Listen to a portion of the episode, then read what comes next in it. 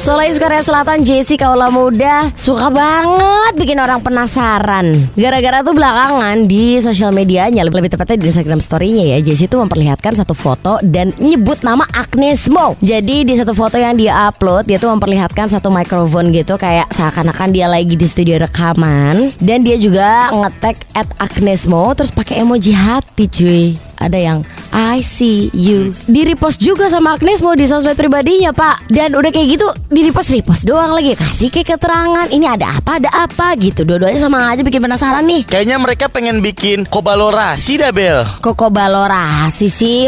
Emang yang bener apa sih Bel? kobor brokasi. Salah Ih, Lu niat ngebenerin malah salah Gimana sih? kolaborasi ah Bikin apa ya mereka ya? Ya itu dia pak, sampai sekarang tuh belum ada yang tahu. Cuma emang sebenarnya kan interaksi mereka tuh udah dari lama ya. Jadi waktu itu Agnes Mo tuh lagi promo lagu remix terbarunya yang judulnya Patient sama The Smoke. Abis itu di situ JC udah ngasih komentar. Di komentarnya tulisannya gini, Who's waiting for Agnes X JC collab though? Abis itu kayak Agnes Mo bilang, Should we give it to them ASAP?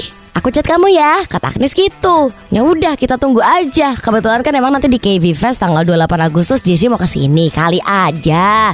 Dia sekalian ngumumin kolaborasinya gitu kan. Kali aja mereka langsung manggung bareng Bel Bareng gua juga Bareng elu Eh bentar, kenapa ada kita berdua ya? Lu kan sebagai tukang kabel. Lo sebagai cek sound kan? Iya.